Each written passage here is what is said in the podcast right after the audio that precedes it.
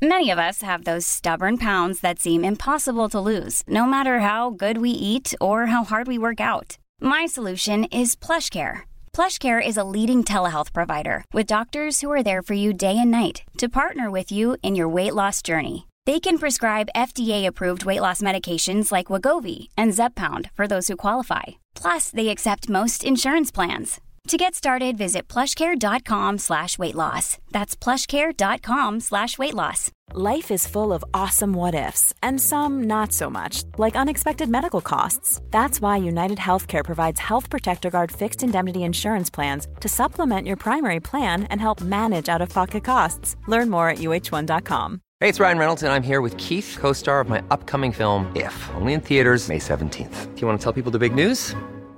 All right, I'll do it. Sign up now and you'll get unlimited for $15 a month in six months of Paramount Plus Essential Plan on us. Mintmobile.com slash switch. Upfront payment of $45 equivalent to $15 per month. Unlimited over 40 gigabytes per month. Face lower speeds. Videos at 480p. Active Mint customers by 531.24 get six months of Paramount Plus Essential Plan. Auto renews after six months. Offer ends May 31st, 2024. Separate Paramount Plus registration required. Terms and conditions apply if rated PG.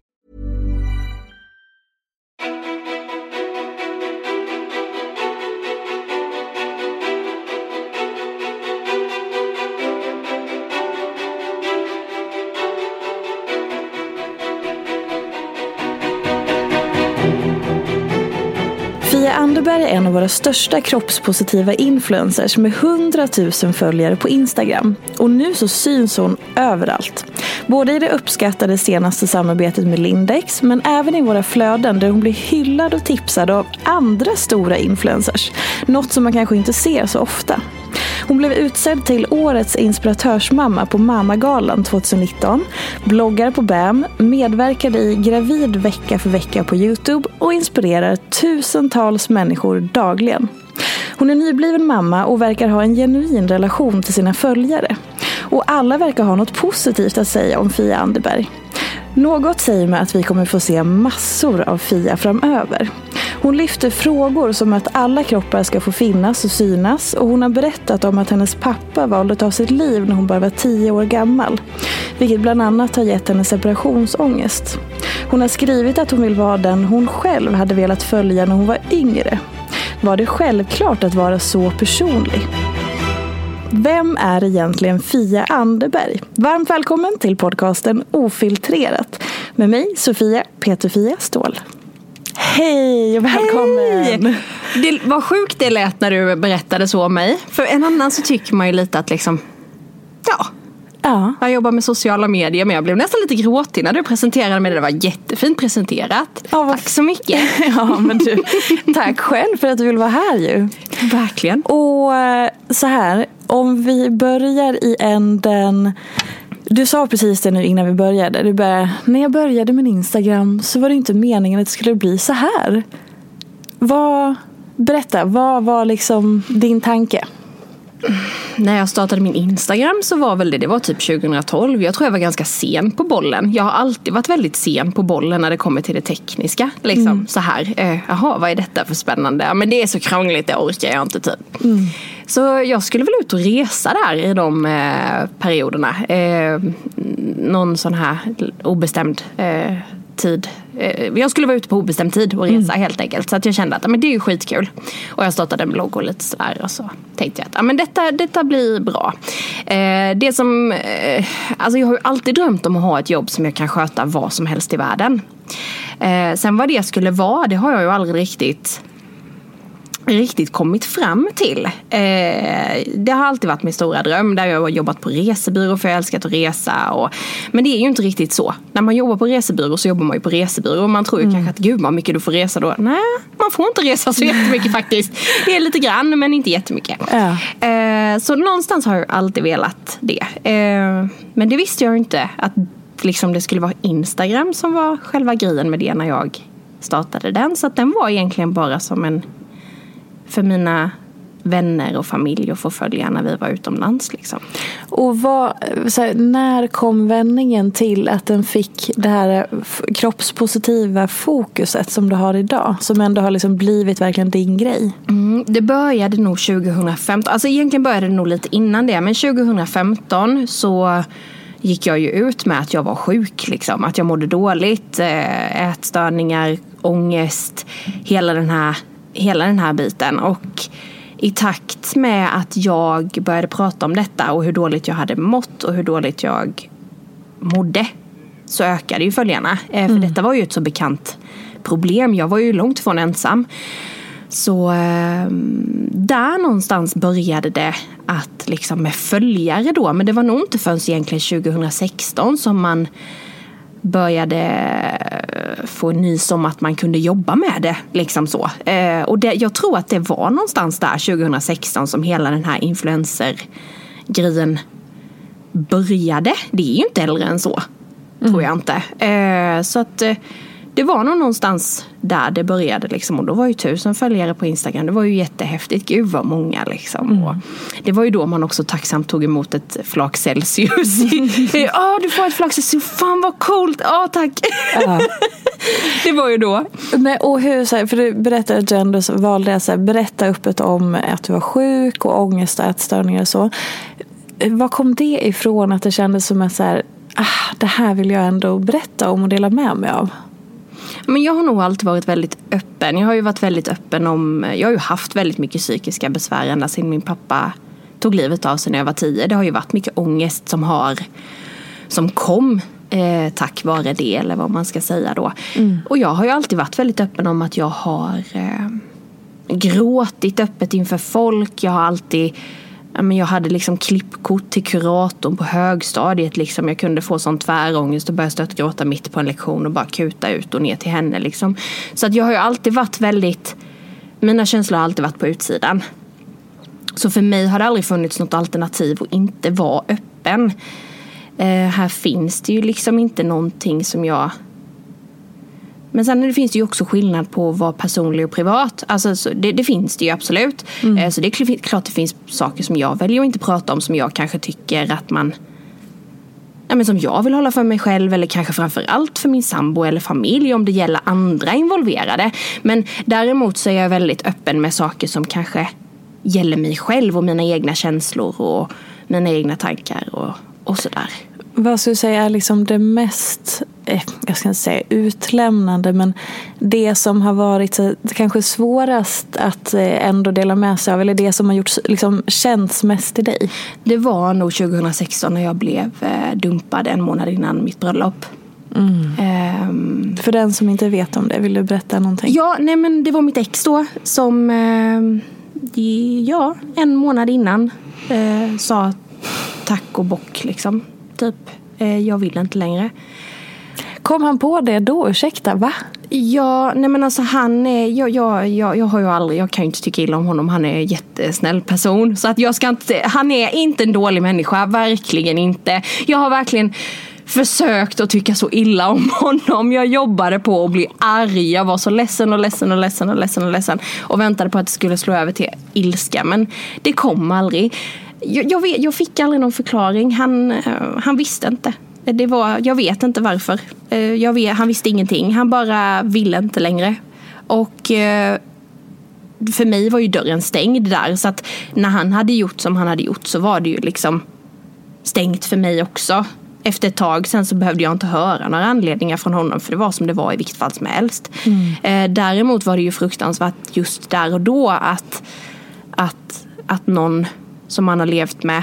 Som man har liksom ett planerat bröllop med. Vi hade skickat ut inbjudningskorten samma dag. Det var ju så jävla olyckligt. Min mamma när jag ringde och berättade för henne, hon hade suttit och skrivit inbjudningarna. Mm. Och precis lagt dem på lådan. Hon var ju nära på att åka till Alvesta liksom. Till postkontoret och bara, nej det var ju, det var ju fruktansvärt. Och men... behöva ringa runt till alla gäster och berätta att nej, nej men eh, ni fick en eh, inbjudan här till bröllopet igår och ja, nej men det, det blir inget. Eh, det som var lite så var ju att det, det lite allt ansvar lades ju kanske på mig eller så. Han, han tog ju inte... Det, saken var ju den att han hade ju alla sina vänner i Halmstad. Så han hade ju aldrig... Han gav ju aldrig ut sina inbjudningskort. Han skulle ju ge dem personligen till folk. Mm. Och sina klasskompisar och sånt. Så det var ju bara nästan mina inbjudningskort som skickades ut per post då. Så att han slapp ju. Hur kan du inte bli arg? Nej, nej, jag sitter här jag, och blir, vet, det jag bubblar. Jo, jo men det är klart jag är arg på situationen men jag är inte arg på honom som person. För att? För att han är snäll. Innerst inne. Varför beter han sig som en idiot? Förlåt, nej, men va? nej, men det var, det var det jag vet inte. Kalla fötter. Träffat Ja. någon ny. Har du svårt att bli Eh. arg på människor? Nej. Men där och då så blev du inte arg ändå. Nej. Nej, jag vet faktiskt inte varför. Intressant. För han ville, nog, han ville mig aldrig något ont, tror jag inte. Varför betedde han sig då så då? Nej. Eh, Det är en bra fråga. Eh, Hade han inte kunnat komma på det här lite tidigare? Förlåt att jag blir arg åt dig. Nej men det blir Alltså, alla. Det med blir all ju alla. kärlek. Jo, eh, nej men alltså jag kan ju tycka det också. Och det var ju ändå han som friade. Men oh my god! Sen har ju jag, som jag är då, jag hade ju, vill ju all, hade ju alltid velat gifta mig. Ja. Eh, och visst, det är klart, som tjej då, man ligger på lite. Man har varit ihop kanske i tre år. Man Sitter ska du vi- här och lägger skulden på dig själv nu? Nej.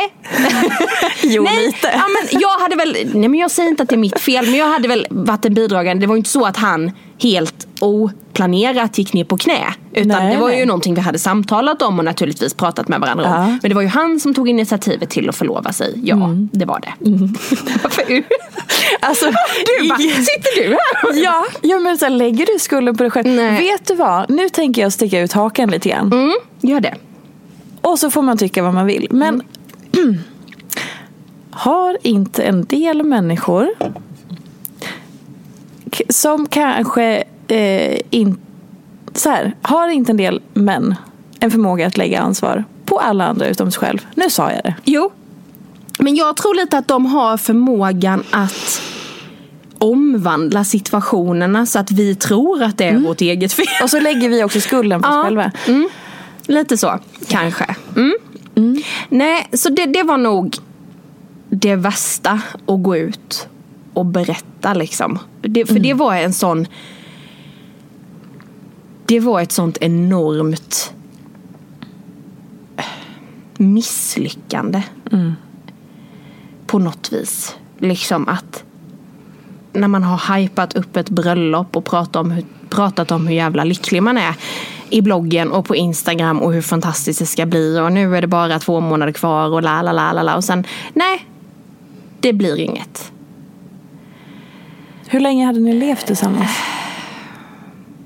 Han gjorde slut 2016 och vi blev ihop 2012. Ja. Så tre år, typ. Tre och ett halvt. Ehm, Nej, så att, och jag fick ju aldrig någon direkt förklaring. Utan det var ju verkligen, sen, sen höll han ju däremot på ganska mycket och sa att han saknade mig. Och liksom, ja, det var ju han som drev på. Det var en jättemärklig situation. Men alltså, den han här fick, människan. Jag tror han fick kalla fötter faktiskt. Alltså det var någonting som slog slint i Mm. huvudet. Liksom att gud, det här blir för liksom så. Jag tycker att han är ett svin. Ja. Eh, Förlåt, han bete- hans beteende. Inte han som person. Mm. Obs, För jag vet ingenting. Men det beteendet. Mm. Inte okej. Nej. Och jag hade ju ändå en öppen och härlig, eh, väldigt öppen, för jag hade också kalla fötter. Jag var livrädd. Jag tyckte också att det här var skitläskigt. Liksom mycket det här med att jag hade levt, för här hade jag ju precis börjat må bra. Jag hade ju levt med flera år med ångest, ätstörningar. Det var ju under tiden jag var ihop med honom som han, som jag mådde som sämst i min kropp. Alltså jag var ju så jättenerbantad och jättenertränad. Liksom. Jag tog ju inte hand om mig själv alls och mådde så, så, så, så dåligt. Jag var absolut inte en lätt person att leva med.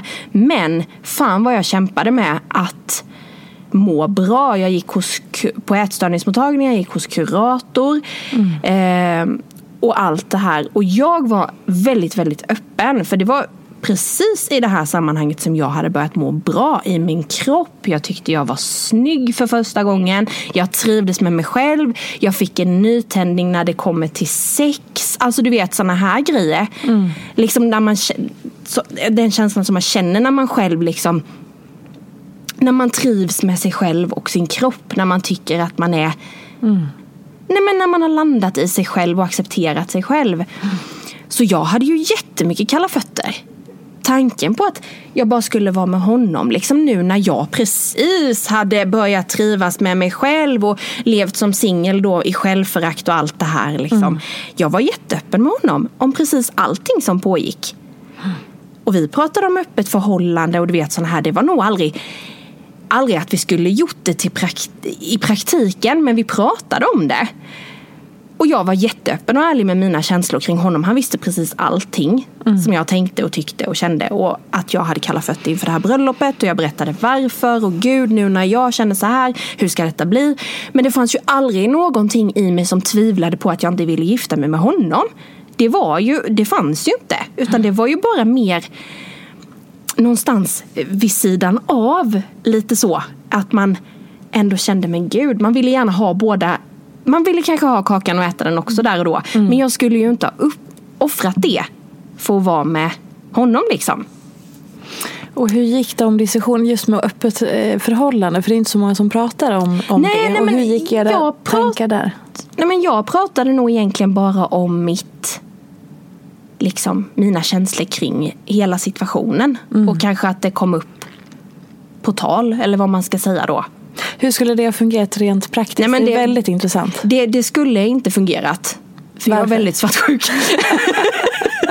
så vi pratade ju aldrig om det i praktiken så Nej. att vi skulle göra det. Men att jag nog kanske ändå hade dem men tänk det här om... spännande livet lite. Det, det, mm. det var nog det, det fanns en spänning i det här som jag inte hade upplevt innan. I och med att jag alltid hade levt med självförakt till mig själv så fanns det lite det här, gud det här är ett helt nytt liv. Mm. Att trivas i sig själv och i sin kropp liksom. Och få njuta av det, bara jag. Och jag hade ju aldrig varit singel. Jag har ju alltid haft pojkvän egentligen. Så att eh, så jag känner lite så här att det som hände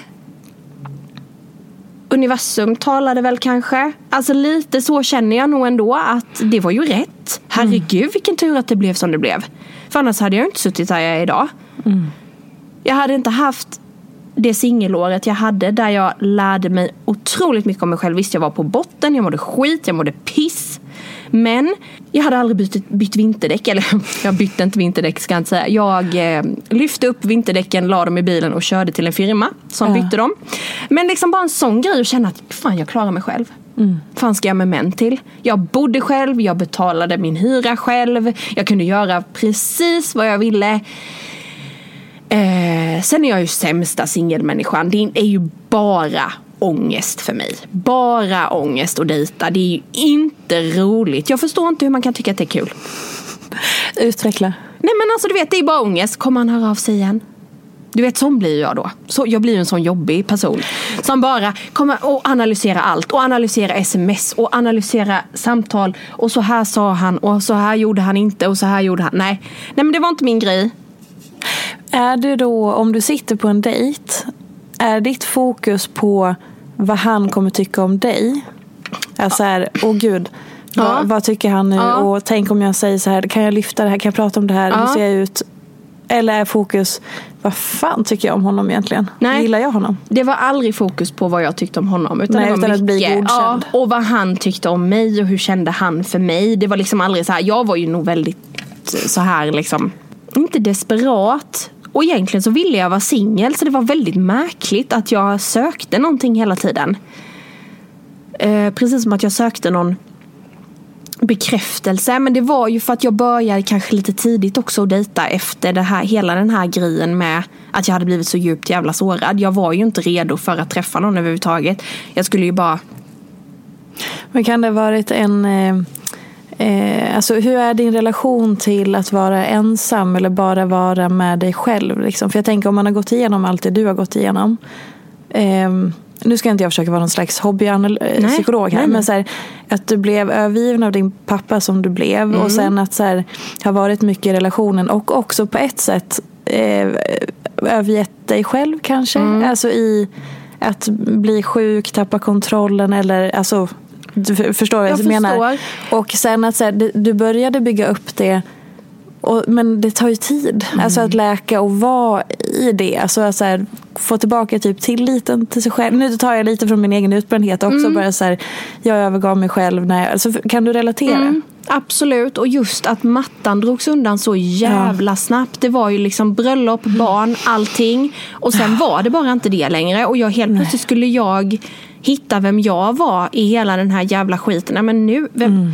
Och så och var liksom du på en- 27 Du var ju på väg på en bra, alltså som du sa precis när han gjorde allt det här så var du på väg på en, på en bättre plats. Ja men precis, då hade jag vänt mig. Jag var så redo liksom att bli en bättre flickvän också. För som sagt, jag hade ett jävla humör och var inte lätt att leva med. Och mycket ångest och mycket känslor och mycket tvivel på mig själv.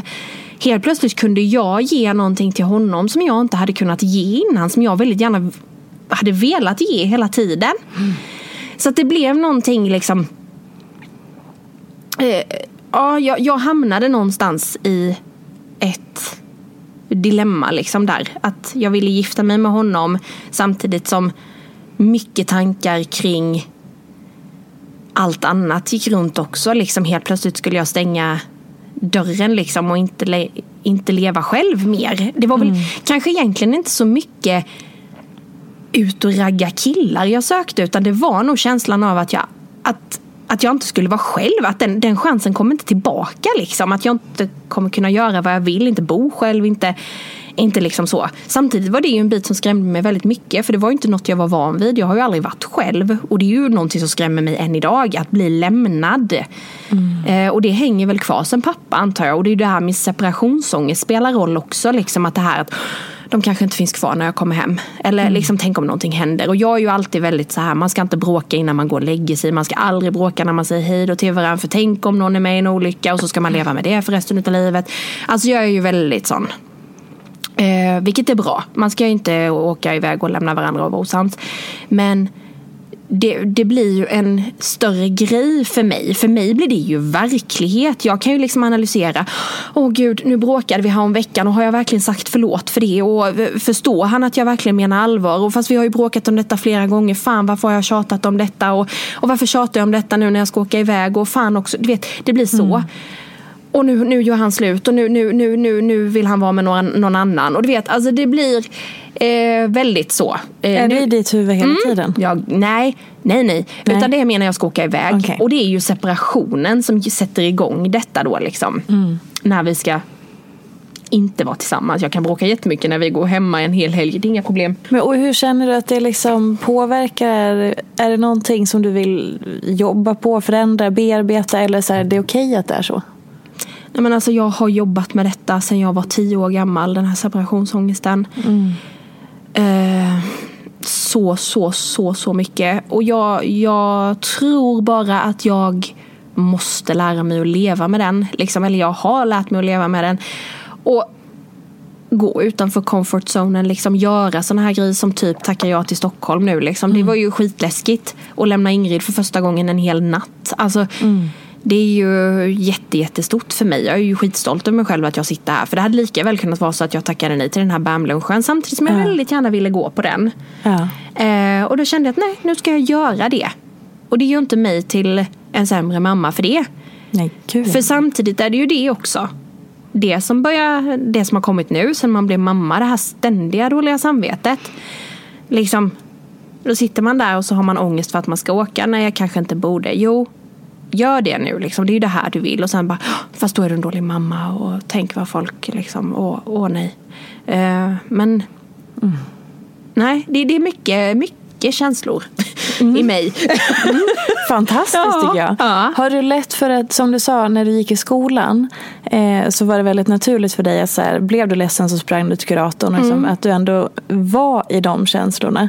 Eh, har det eh, på något sätt mattats av när du har blivit vuxen och så här, nej men eh, sluta gråta nu eller det är inte okej. Alltså, eller är du fortfarande så trygg i att låta alla känslor ta plats? Jag är väldigt trygg i att låta alla känslor ta plats. Däremot så tror jag att jag väljer mina tillfällen lite. Jag kan liksom så här, det, men det här är ingen fara Sofia. Det här är inte, inte som när det blev helt överväldigt. Då blev det ju, då hann jag ju inte stoppa det. Det är ju det som är grejen. Det har jag ju fått jobba mycket med när jag gick i KBT just för ätstörningens skull. Att när ångesten kommer, stopp. Vad är det som händer nu? Liksom, inte låta det här, man, det, det går ju skitsnabbt innan det är igång. Liksom. Sen är det ju igång. Så man måste hinna direkt när den kommer. Liksom, stopp. Så. Vad är det nu du har ångest över liksom? Eller bäst är om man kan sätta sig och skriva men det kan man ju inte alltid. Men liksom det här, vad är det nu? Andas, ta det lugnt. Dra mm. inte det så långt. Det är ingen fara. Mm. Om man känner igen eh, det du beskriver, är det ditt, liksom, om du ska ge någon form av tips eller råd som har hjälpt dig, är det just att försöka stoppa upp och stanna, stanna upp när det drar igång? Mm. Jag skriver mycket om detta på bloggen också. Mm. Just de här tankarna. Många, många som skriver till mig har ju kanske kroppsångest. Um, att uh, då stoppa det precis när det börjar. Det är jättesvårt men det är, någon det är en taktik man måste lära sig. Mm. Att liksom hinna med i svängarna där. Och jättegärna sätta sig ner och skriva då istället för då kommer fokuset på någonting annat. Att skriva vad man tänker och känner. Mm. Då blir det inte så himla extremt i huvudet liksom. Just det. Du eh, beskrev, om vi backar lite till Eh, när vi var inne på att din kille hade lämnat mm. dig precis innan bröllopet. Mitt ex. Ditt ex, Det är ju inte Rasmus Nej. då vi pratar om. Ditt ex. Ja. Eh, så hade han gjort allt det där precis när du då började hitta liksom din nya, mm. vad ska man säga, trygghet eller hela den biten. Men också att det födde tankar om att så här, shit, är, ska jag stänga den här dörren nu, äta kakan, leva liksom öppet förhållande, allt det där som du gick igenom mm. där då. Och sen så sa du att nu kan jag inte citera exakt, men sen sa du någonting om att så här, eh, för att nu så är det ju så här, nu är det ju så här, det är bröllop och det är barn och det är som dörren är stängd typ. Mm. Kan du känna att, för att så är ju våra norm. Det är ju så att man ska, man, man ska gifta sig eller mm. förlova mm. sig och sen så ska man gifta sig och få barn och sen så det, det, det. Kan du liksom känna dig fångad i så här, hela den typen av norm i hur livet ska levas? För du var ändå inne på att så här, öppna upp förhållandet. Så här, det är ju ändå att man tänker utanför normen. Har du lätt för att liksom så här, så här vill jag leva mitt liv? Eller mm. känner du att du men jag var nog ganska säker på att jag inte ville ha barn efter hela den här händelsen. Mm. Och jag står fortfarande fast vid att jag inte vill gifta mig. Det är fortfarande en grej som jag inte vill. Um, sen när jag träffade Rasmus så förändrades det lite. Mm. Eh, lite så här, helt plötsligt började vi umgås med folk som hade barn. Hans syster hade barn. Det var så himla mycket folk runt en som hade barn. Och man eh, och Rasmus ville väldigt gärna ha barn. Nu har jag, sitter jag inte här och säger att jag har skaffat barn för hans skull. Det har jag absolut inte gjort. Men det väckte någonting i mig eh, som ville göra detta tillsammans med honom då. Mm. Eh, under singelperioden är det klart att jag inte ville skaffa barn. Liksom, för jag hade ju ingen att skaffa barn med. Men eh. känner du att livet liksom är utstakat? Eller så här, livet är ju på många sätt utstakat mm. enligt hur vårt samhälle har bestämt. Men det tycker jag har, inte. Nej, precis. Nej. Har du lätt för att liksom nej, höra alltså, din egen röst? Det är nog det jag får ja, efter. Absolut. Nej, men alltså, jag tycker att man ska göra som man vill. Eh, jag tycker inte det är skitsvårt. Att, det är jättesvårt. Och de här ständiga frågorna, när ska ni skaffa barn? Ja. Nummer två, när kommer ja, nästa? Exakt, alltså det, det frågar ju folk redan och jag blir tokig. Liksom, mm. Ge fan i att fråga. Man vet inte alls vad som pågår bakom stängda dörrar. Nej. Man kanske inte kan få barn, man kanske inte vill få barn. Men någonstans tycker jag att det är för jävligt, ursäkta mig, men att Kör det inte på. accepteras. Mm. Att någon säger, nej men jag vill inte skaffa barn. Varför då? Varför det inte det? Mm. Nej men jag vill inte, jag känner ingen längtan. Ja fast du vet inte hur underbart det är om du inte får det. Nej men precis. Mm. Så om jag aldrig skaffar barn så vet jag heller inte den enorma kärleken ni pratar om. På så vis är det ju ingen förlust. Nej. Däremot så är det ju fruktansvärt att skaffa barn och känna att fan det här var inte för mig. Mm. Då, då, sitter man ju lite i en knipa. Ja, verkligen. Ehm, så att jag menar, du kan ju inte sakna något du aldrig har haft. Så jag tycker liksom att jag tycker det är jättebra att folk väljer att inte skaffa barn om man inte vill. Mm. Ehm, det finns alldeles för många som inte borde ha barn som har barn. Eh, så att det, det, det tycker jag att man Liksom, och jag tycker, jag tycker att det börjar bli mer så. Jag vet inte hur det är i Stockholm. Men jag, oh, jag läste ju någonstans att Stockholm är ett av de singeltätaste städerna i världen. Mm. Till och med. Mm. Ja. Här känns det som att med, i, i, Japan och sånt gifter man ju med sig själv. Mm -hmm. eh, Just det. det är lite nytt nu att man mm. ska gifta sig med sig själv. Um, så det, det kanske kommer hit med. Att man, man, trivs mer med sig själv liksom. Mm. Ja, men, och Självständigt och... Ja, och som du också sa, så, ja, men då måste man bo ihop och hit och dit. Det känns lite som att vi kanske på väg att det är mer så här, måste man verkligen bo ihop? Fast man kan vara ihop men man kanske inte måste bo ihop. Man kanske, Särbos. exakt, särbo. Mm. Eller som du var inne på, så kanske en öppen relation. Jag vet Mm. några som har en öppen relation. Och det är, så här, det är inte så många som pratar om det men varför måste vi alltid vara i exakt som alla säger att det ska vara? Vem har bestämt? Nej men fatta vad gött. Och liksom, nej men alltså jag, jag öppen relation är ju inte för alla, absolut inte. Men jag tror verkligen att de som har öppna relationer, de måste vara riktigt jävla trygga i sig själva. Fatta vad coolt. Och liksom vara så trygg i sig själv, vara så trygg i sin partner, veta precis vad man har varandra och vad man har för något. Det var roligt, dina ögon lyser eller Ja. glittrar när du pratar om det. Rasmus, ska vi ha. Nej. Men okej, Nej. så här då. Eftersom du ändå är, för jag kan tänka mig att många som, som lever i en, i en eh, nu ska vi se, i en vanlig eh, är- mon, monogamisk eh, relation. Eh, där man är Heter det två personer. monogamisk? Nej, det gör det verkligen Nej, inte. monogam. Mon, Mono... ursäkta oss. Ja. Mon, monotom. Monotom, det är kanske är där man hamnar efter Ja. ja men en sån eh, En klassisk. vanlig klassisk parrelation, det är två personer som är exklusivt tillsammans. Så kan jag tänka mig att många har inte ens varit inne på tanken på en öppen relation. Men du som ändå har varit där i tanken, hur hade du då velat utforma det? Om vi nu leker med den tanken, i och med att du ändå har varit där. Hur liksom, hade det bara varit sexuellt? Hade det, bara, hade det varit att eh, man får dejta? Eller får man ha känslor? Vad, liksom, hur, hur skulle det då ha lagt upp det så att säga? Ja, men för att förtydliga nu så att alla förstår. Nu vill inte jag ha en öppen relation Nej, nej, nej. längre. Ja, ja, för nu vi- känner jag liksom att in, jag, jag inte har behovet utav det. Om man Nej, säger nej. så. Absolut. Nu är det en fantasi. Nej, men då hade det nog varit sexuellt i så fall. Ehm, krogragg eller så här nu, alltså, för jag tycker det är så spännande. Åh, så här, öppna, du- ja men jag, visst är det var kul? du Så du sådana tankar som jag inte ens har tänkt? Nej, men det är spännande. Jag tänker så här, det är väldigt många som inte ens har tänkt den här banan. Ja. Mm. Nej, det vet jag inte.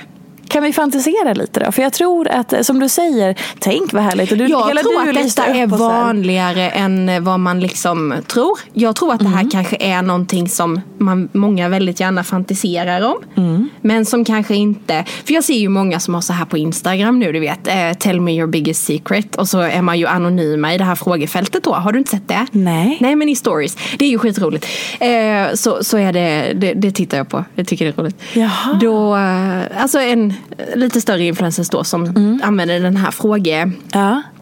frågerutan och så eh, tell me your biggest secret. Och så är man ju anonym då. Mm. Och så delar hon de här. Det är ju väldigt mycket sex och eh, jag fantiserar om andra kvinnor eller om andra män. Men jag lever i en lycklig relation. Just Liksom. det. Eh, så det är väldigt vanligt Mm. har jag märkt. Att det är många som liksom jag lever, det är det att vara borta från barnen.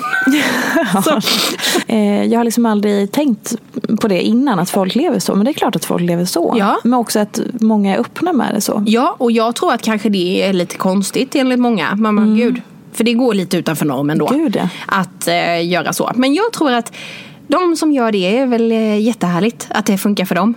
Vi kan ju enas om, som du sa, att du är väldigt svartsjuk. Då kanske det inte är, eller? Det var du som sa det, jag har inte sagt det. nej. nej men alltså jag, jag, nej men jag är nog lite för misstänksam för det. Jag hade tyckt att det var jobbigt. Mm. Jag är absolut ingen svartsjuk person så sett. Men jag hade inte klarat av att dela Rasmus med någon. Vad hade känts jobbigast? Även om det Nej bara men då var hade jag nog börjat tvivla på mig själv. Jag, Nej men jag vill ju inte att han ska... Jag vill ju kunna vara den som ger honom det han behöver. Att han inte ska behöva, behöva ha det någon annanstans liksom. Och lika så tror jag han känner så för mig. Att eller det vet jag att han gör. Det, det skulle aldrig gå hem om jag skulle komma och fråga om vi ska ha öppet förhållande. Nej. Nej. Gud vad ofiltrerad. Du har en eh, tendens till att locka fram det, konst, Har jag det? det knepigaste hos Folk folk. brukar alltså, så här. Den brukar jag inte vara. Ja. Folk brukar säga Spännande. Many of us have those stubborn pounds that seem impossible to lose, no matter how good we eat or how hard we work out. My solution is PlushCare. PlushCare is a leading telehealth provider with doctors who are there for you day and night to partner with you in your weight loss journey. They can prescribe FDA-approved weight loss medications like Wagovi and Zepbound for those who qualify. Plus, they accept most insurance plans. To get started, visit plushcare.com slash weight loss. That's plushcare.com slash weight loss. A lot can happen in three years, like a chatbot may be your new best friend. But what won't change? Needing health insurance. United Healthcare Tri Term Medical Plans, underwritten by Golden Rule Insurance Company, offer flexible, budget friendly coverage that lasts nearly three years in some states. Learn more at uh1.com. Hey, it's Ryan Reynolds, and I'm here with Keith, co star of my upcoming film, If, only in theaters, May 17th. Do you want to tell people the big news? All right, I'll do it. Sign up now and you'll get unlimited for $15 a month in six months of Paramount Plus Essential Plan on us. Mintmobile.com slash switch. Upfront payment of $45 equivalent to $15 per month. Unlimited over 40 gigabytes per month. Face lower speeds. Videos at 480p. Active Mint customers by 531.24 get six months of Paramount Plus Essential Plan. Auto renews after six months. Offer ends May 31st, 2024. Separate Paramount Plus registration required. Terms and conditions apply if rated PG. Wow. Nice. Yeah. What you're hearing are the sounds of people everywhere putting on Bombas socks, underwear, and t-shirts made from absurdly soft materials that feel like plush clouds. Yeah, that plush. And the best part? For every item you purchase, Bombas donates another to someone facing homelessness. Bombas. Big comfort for everyone. Go to bombas.com slash ACAST and use code ACAST for 20% off your first purchase. That's bombas.com slash ACAST. Code ACAST. Mm. Just nu så tycker jag det är så spännande med allting som är så här, okej okay, men du nämnde det där, hur, hur tänker du då? Liksom bara... Ja, och saken är den att jag hade ju bara levt som singel i totalt kroppsförakt. Mm. Alltså liksom, för mig var det alltid bara bekräftelse jag sökte från andra hela tiden. Liksom. Mm. Men att när jag väl mådde bra och hela den här nya världen öppnades så så blev det ju så annorlunda i hela den här. Jag menar, jag efterfrågar ju inte detta med Rasmus för att jag känner ju inte att jag behöver det. Nej.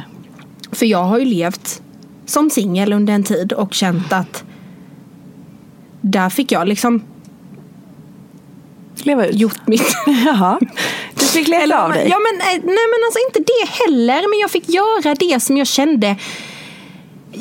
Mycket var nog att bara liksom känna att jag själv kunde välja precis allt jag ville göra och sen känna den powern att jag klarade själv. Att jag vaknade mm. varje morgon, bodde själv, gjorde allt själv. Jag tror det var det som gjorde att, att det liksom öppnade så mycket dörrar. Jag var så nog så förvirrad. Jag var nog så jätteidentitetsförvirrad när jag hade blivit frisk från min ätstörning.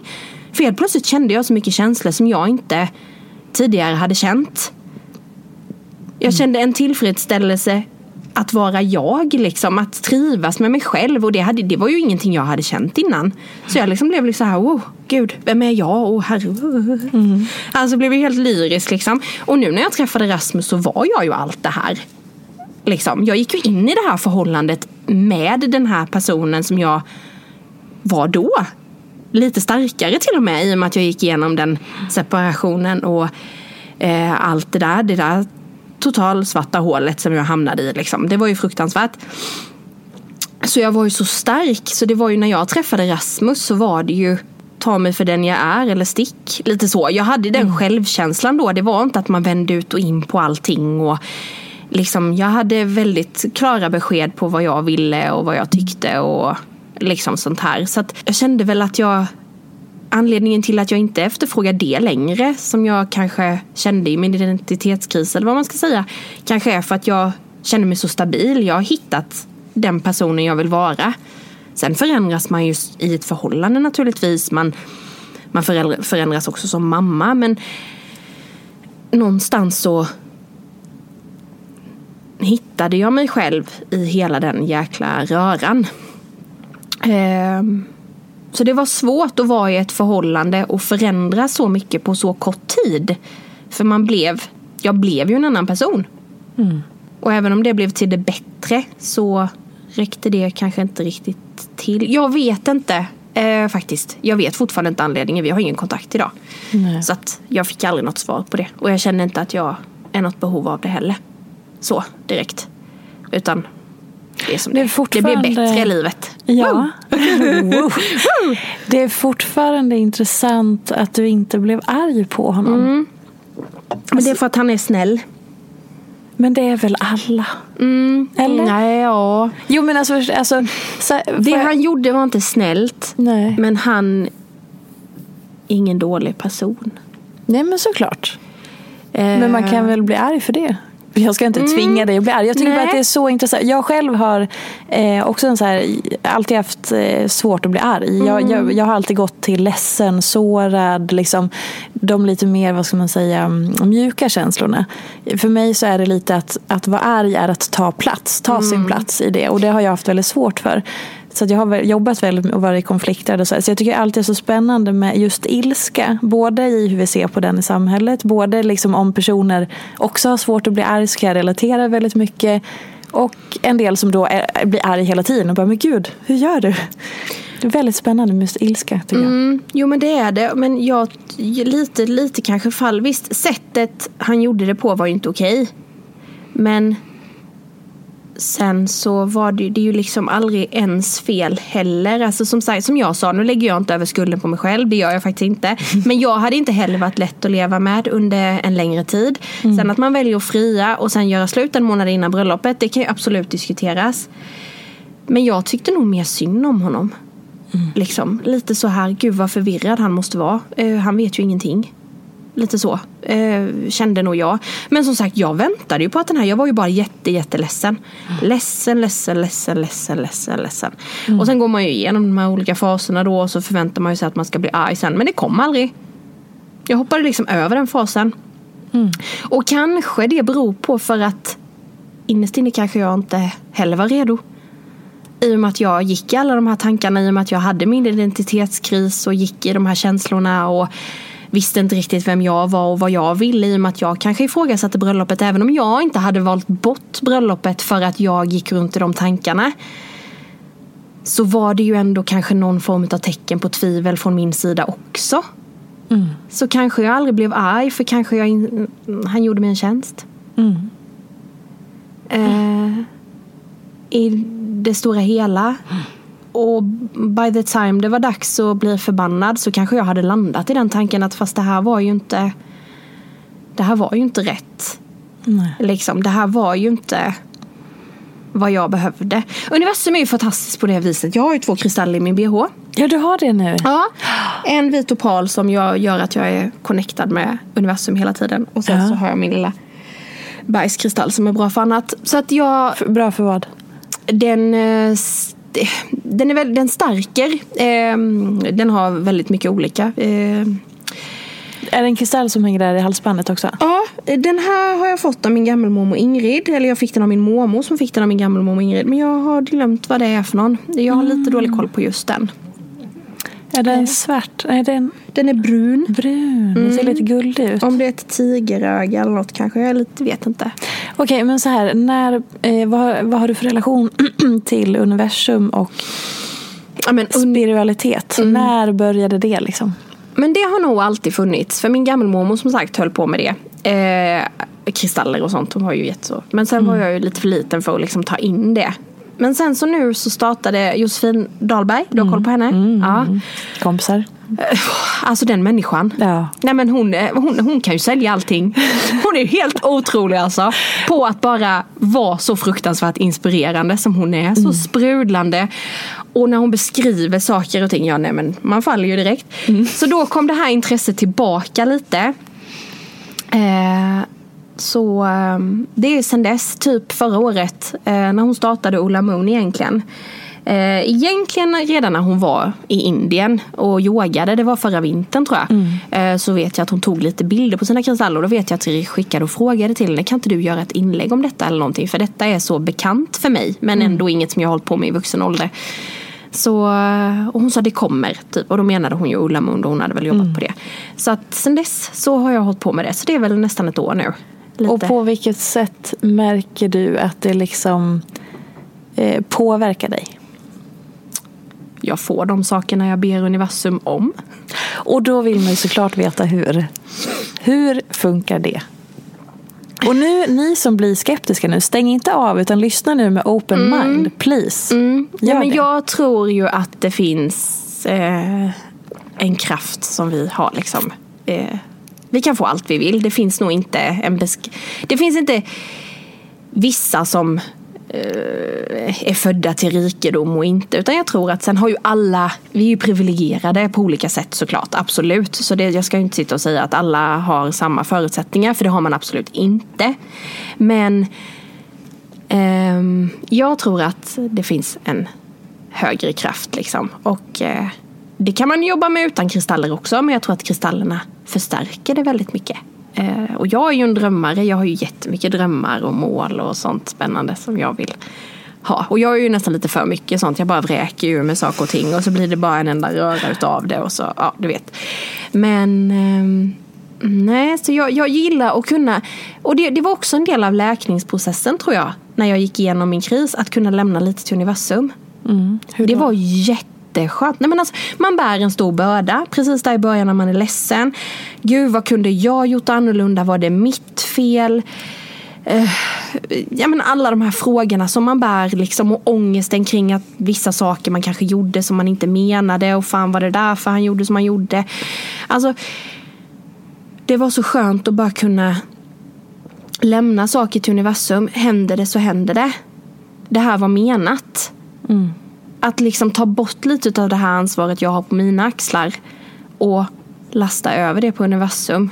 Och likaså när man kanske gick i tankarna, men ska det inte vara vi nu? Liksom, är, det, är det slut för alltid? Och liksom, ja, men det, Är det menat att det ska vi bli så bli, bli, vi, bli, bli vi. Så blir det ju det. Ja. Om universum vill det så, så Och- löser den det. Under det här året då, sen du hittade tillbaka, vad har du uttryckt och vad har kommit till dig? Ja, men jag vann ju Årets mamma. Mm, Årets inspiratörsmamma. Det var ju någonting som jag verkligen hade velat. Ingrid kom till mig. Mm. Vi har köpt hus. Eh, Jag har fått jobba med indiska som var mitt absoluta drömprojekt. Det som är så roligt är att det är så mycket som har hänt. Från för, förra året jag gjorde en moodboard. Eh, För, förra, för, för, för förra året, 2018. Eh, gjorde jag en moodboard. Det var ju jättemycket som hade hänt där 2019 sen. Mm. Eh, av de grejerna. Så det, det, det, det är häftigt. Och kan du ta med oss in i, eller känner du att det här är din privata process? Jag vet att du har skrivit lite om det, men liksom, kan du dela med dig någonting av, om man inte vet alls, vadå en kristall, hur funkar det? Nej, men alltså, då hur finns- jobbar du med det? Jag mediterar ju med mina och sen har jag dem i bhn då. Men det, det är lite, jag mediterar med dem. Jag har dem som inredning runt om i hemmet beroende på deras olika eh, vad, egenskaper.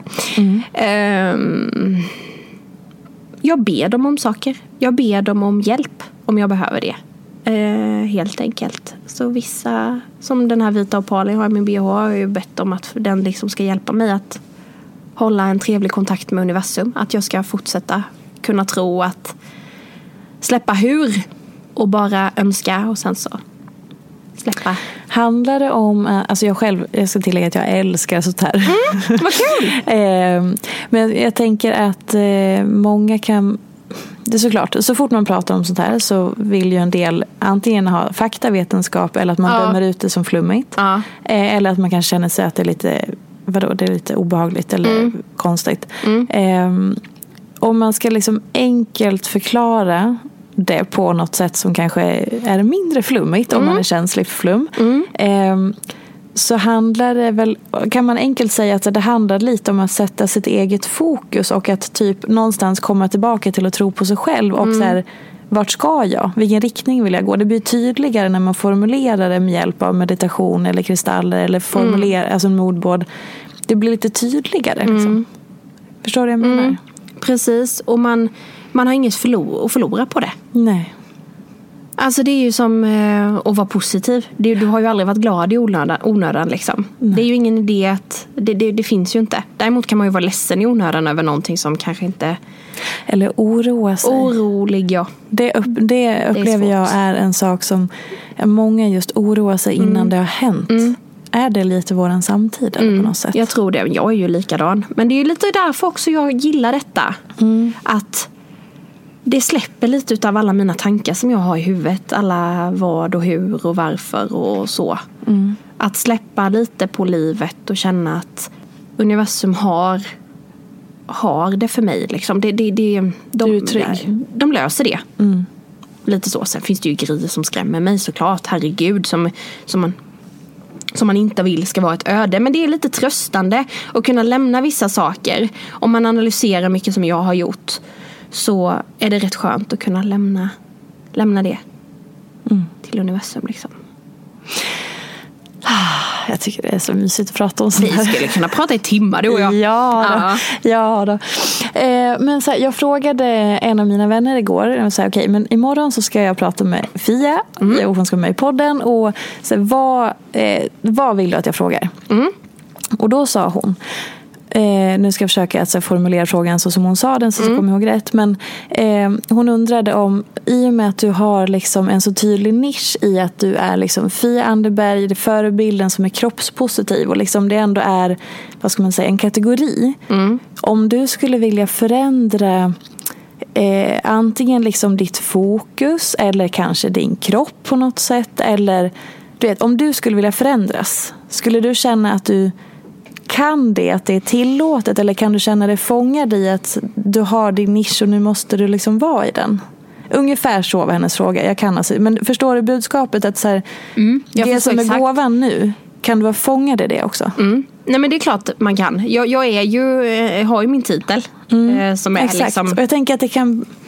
Förstå- Däremot så, så, så är jag väldigt tydlig med vad jag, liksom, vad jag står för och vad jag känner och vad som är viktigt för mig. Mm. Eh, och har alltid varit. Ehm, För att om jag det är klart att det alltid kommer vara, vara svårt om man Mm. skulle vilja ändra en nisch. Du tänker typ om jag skulle bli en träningsprofil Ja, jag tänk- mer åt det hållet eller hon sa- bakprofil. eller? Nej, alltså för när hon sa det här, för, då, för det hade vi precis pratat om innan, för jag, un- Underbara Klara gästade den här podden för Mm. Ett och ett halvt år sedan kanske. Och då pratade hon lite om att, för hon är också fångad i en nisch eh, på ett sätt många av hennes följare har en tendens att sätta henne på en pedestal. Mm. Och att hon känner att så här, det blir lite trångt där, för hon får inte säga, Klara det där förväntar jag mig inte av dig vet du och det Nej. där får inte du göra. Och säg då att du typ vill bli maratonlöpare. Ja. Alltså så. Eller att du bara skulle vilja leva på ett helt annat sätt. Eller se ut på ett annat sätt. Någonting för din egen skull. På samma sätt som att Klara bara, mm, jag vill inte sitta på den här pedestalen för att jag vill, nu, nu i mitt liv är jag här. För, för, lite där. Nej men liksom. så, så är det ju och det, det är klart att alla har ju alltid eh, Det är ju det som är det eh, negativa med Instagram. De Ja. ständiga Alla jag vet eh, förstår sig på det och de som vet bättre och Mm. eh, de som vet precis vad man känner och precis vad man ska göra i alla situationer och, och så. De, de kommer alltid att eh, finnas där. Um, jo, eh, jag, jag kan absolut ehm, förstå. Det, det, det kan jag göra och det är absolut att det skulle vara jobbigt. Däremot så jag ser ingen anledning till att man inte skulle kunna vara kroppspositiv och maratonlöpare. Exakt, det där är en väldigt intressant... Eh, Eh, liksom för mig, för Men mig är det, och speciellt inte för mig, för mig är det otroligt viktigt med motion i mitt kroppspositiva liv. Det, det, det, det är en jättestor faktor till att jag mår bra. Det är en jättestor eh, bidragande till, till min ångest. Att jag rör på mig, att jag liksom äter bra. Men herregud, det, det som är det är som jag brukar säga, du kan äta hur mycket grönsaker som helst. Mår du piss av det så är det inte hälsa längre. Någonstans så är det ju samspel mellan psykisk hälsa och fysisk hälsa som är det viktigaste. Och liksom, jag tampas ju mycket med det här, "Åh, övervikt är ohälsosamt. Ja men alltså, liksom, snälla. är du titta på mig, där jag vägde, kommer inte ens ihåg vad jag vägde och det, det ska vi inte prata om, vi ska inte prata om vikt. Men jag var så nerbantad. Jag åt nog 500 kalorier om dagen. Tränade ungefär, fram på slutet gymmade jag nog en två gånger per dag. Och gick lite promenad också för att liksom Nej men, jag skulle ligga på det där 500-strecket så jag pressade ner och jag räknade alla mina kalorier. Jag vägde all min mat. Jag mådde piss. och såg ut som idealet. Och så, jag var smal. Mm. Jag var smal. Och det är ju liksom, då är man ju hälsosam. Nej, Det är ju fan. den synen Ja. som folk har. Är du smal så är du hälsosam. Och det är ju det här jag försöker förklara för folk. Hälsosamma kroppar kommer i olika storlekar och former. Ja. Alla kan inte passa in i den här smala ramen. Alla kan inte det. Det spelar ingen roll hur mycket man tränar, hur hälsosamt man äter. Alla kan, alla kan inte vara smala. Och Likväl smal att- är ju inte lika med att du mår Nej. bra eller ens att du har bra värden. Nej. Alltså det får man inte heller glömma. Nej. En smal kropp kan ha skitdåliga värden. Av Mm. Och massa man olika kan, anledningar. Mm. kan ta jättedåligt hand om sig själv bara även fast man är smal. Precis som jag gjorde. Exakt. Och där då när jag jämför då med min kropp idag. Min kropp idag anses som hälsosam, ohälsosam, utåt, överviktig. Men den mår fan så mycket bättre idag. Jag tar så mycket bättre hand om den idag än vad jag gjorde då.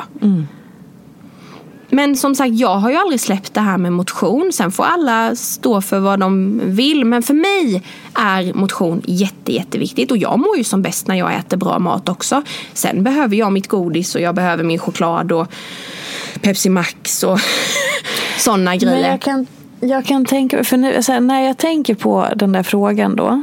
Eh, som jag, som jag Mm. försökte återberätta från min kompis. Alltså, Jag förstår ju också det resonemanget. Mm. Ehm, samtidigt, jag nu bara kastar ur, men är det så här.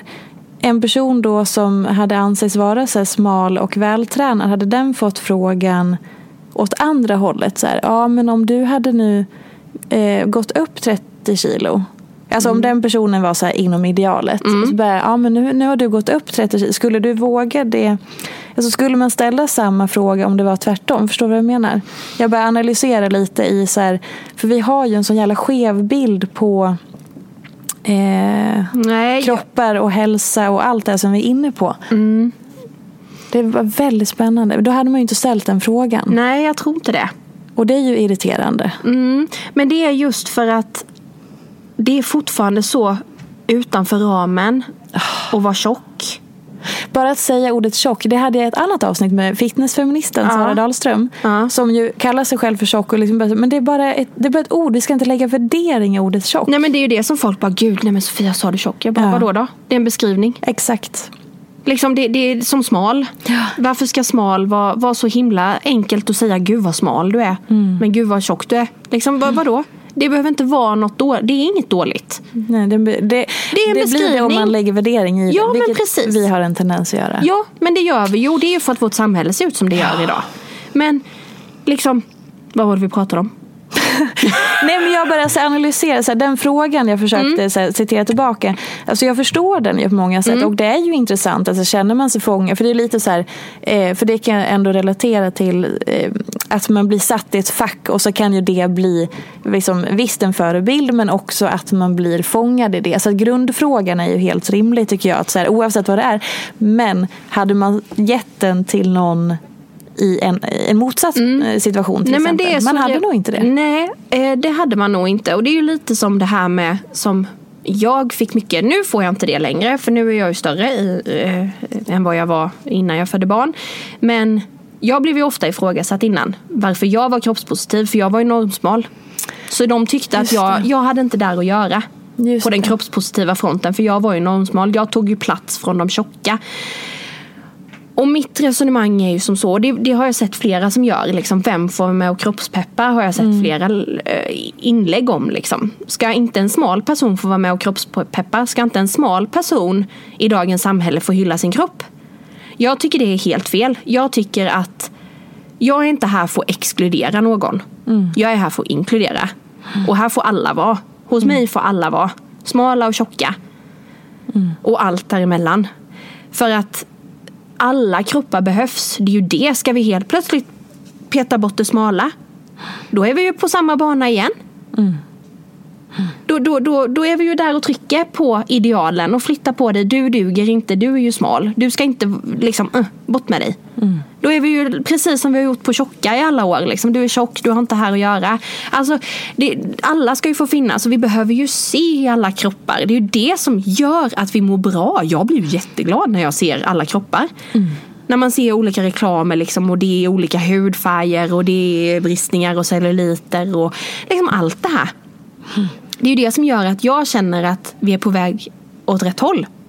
Inte att vi ska börja plocka bort någonting igen. För då tycker, jag att vi, då tycker jag personligen att vi är på väg åt fel håll. Så, min, så är mitt resonemang kring det.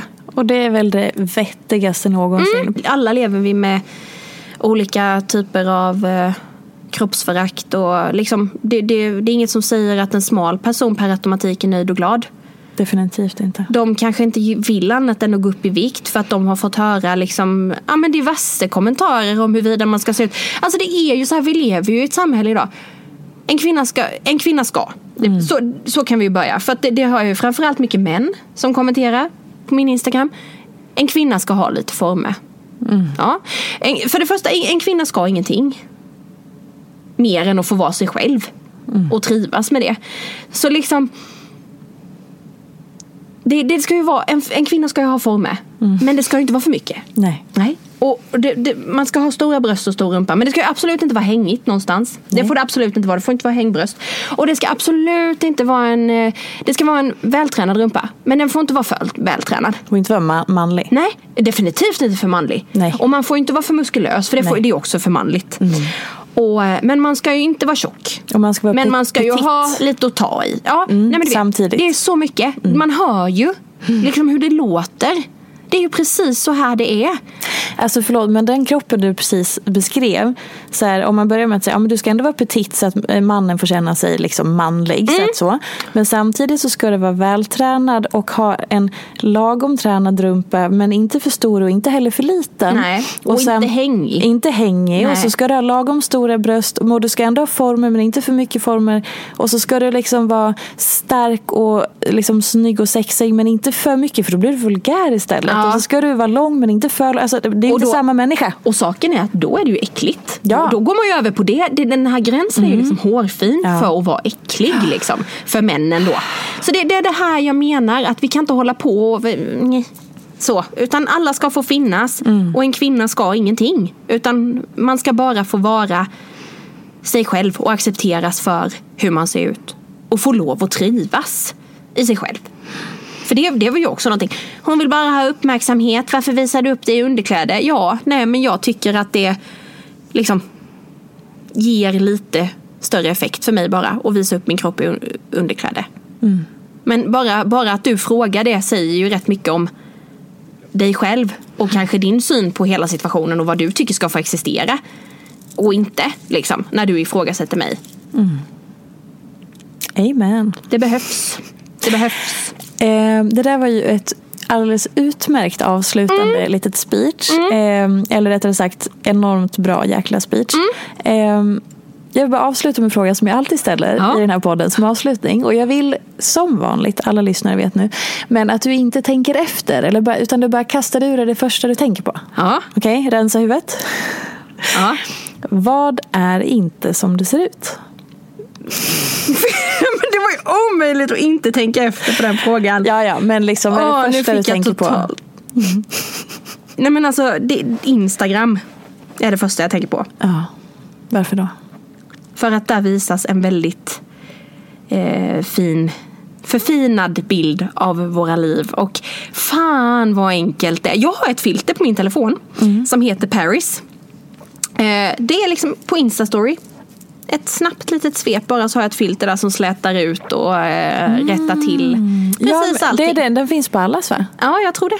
Ja, jag vet. Ja, den, den är... Det är sånt basic. Första swipet. Ja, det är bara jätteslätt och ehm, Och ljust. ja, ljust och fint och så. Eh, så Använder du den? Nej. Nej.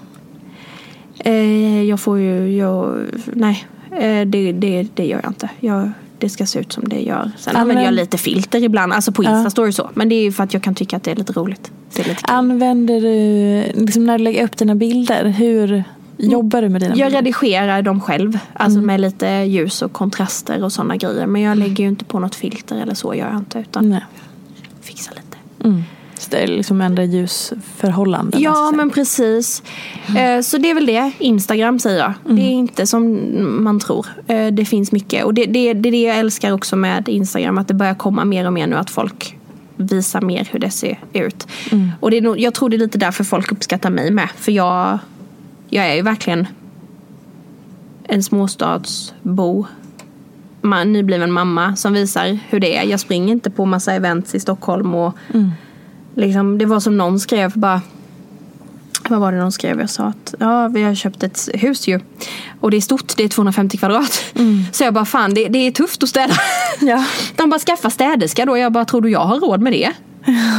Och hon bara, nej förlåt. Jag, bara, jag, jag sa, ja, ja, jag förstår att ni antar att alla influencers har gått med pengar. Men så är det inte. Eh, det, det är liksom inte så att jag har överflöd. Det kanske Så- ser ut så, men eh, det är inte så. Det där är jävligt, ursäkta det så, men det är jävligt intressant att du säger det. För att eh, det finns väl någon slags här bild av att framgång, oavsett hur den framgången ser ut, eller rättare sagt i dagens samhälle, kändisskap är lika med mycket pengar.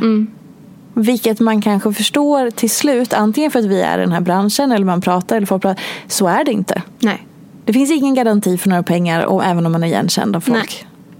Precis. Det är viktigt att säga det. Och det är som jag säger, jag är inte i det här för pengarna. Jag, jag är här för att jag vill eh, jag vill göra genuina samarbeten. Jag tackade nej till ett samarbete så sent som igår. Eh, som var ett jättevälbetalt samarbete. Och min sambo bara Hur kan du tacka nej till så mycket pengar? För att jag kan inte stå bakom det. Hur mycket pengar blev det erbjuden? 20 000. Och vad var det som gjorde att tacka nej? Jag kan inte...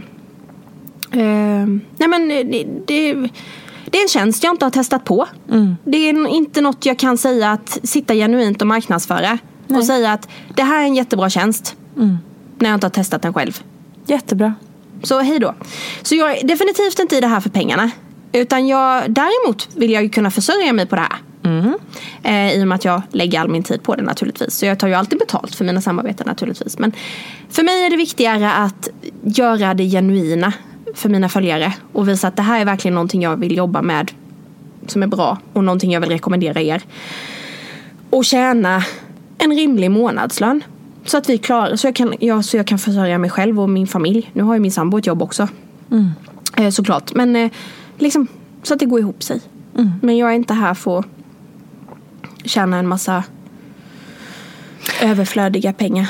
Och vet du, jag tycker det är så befriande och skönt att påminnas om också. Nej. Man måste inte sträva efter framgång. Eller överflöd. Eller för att det är ju ändå det som man matas med hela tiden. Att alla är så framgångsrika. Alla börjar sträva efter alla mål. Man måste framåt. Man måste inte det. Man kan vara nöjd Ja, exakt. och trivas. Man kan njuta av det man har. Ja, absolut. Och det viktigaste är att man mår bra. Sen vad det är som gör att du mår bra. Ehm, det är väldigt individuellt. Men det, det är det viktigaste. Fan vad bra. Ja, Där satt helvete den. vilket bra poddavsnitt. Ja, fy fasen. Ja. det här kommer ni älska.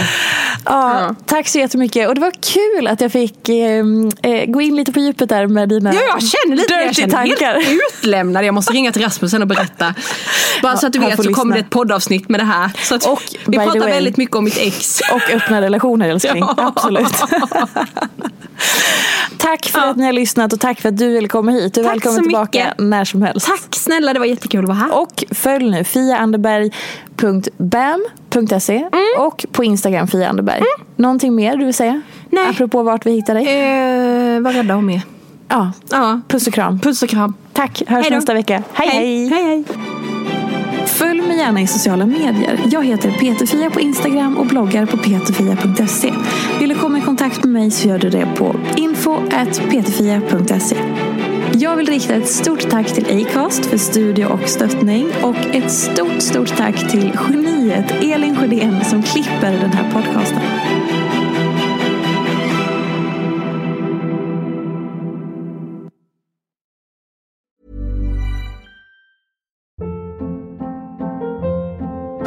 Hold up. What was that? Boring. No flavor. That was as bad as those leftovers you ate all week. Kiki Palmer here, and it's time to say hello to something fresh and guilt-free. Hello Fresh. Jazz up dinner with pecan-crusted chicken or garlic butter shrimp scampi. Now that's music to my mouth. Hello Fresh. Let's get this dinner party started. Discover all the delicious possibilities at hellofresh.com. Acast anbefaler. Mit navn er Anders Morgenthaler. Over for mig sidder Roald Bergmann. Vi har lavet en ny podcast, der hedder Dopaminklubben. Og Dopaminklubben er en klub, hvor ADHD er fucking sjovt, og hvor det griner. Det behøver ikke at være super alvorligt. Vi er skide trætte af alle de der podcasts, der forklarer mig nederen der. Vi gør grin med vores ADHD. Mulig ADHD. Ja, vi udreder mig, fordi nogen siger, at jeg har det. Jeg ved det ikke rigtigt, det finder vi ud af. Vi har i hvert fald lavet vedmål. Ind og lyt til Dopaminklubben. Hver uge udkommer vi. Der laver vi sjov og spas med at have den her vidunderlige dopaminmangel.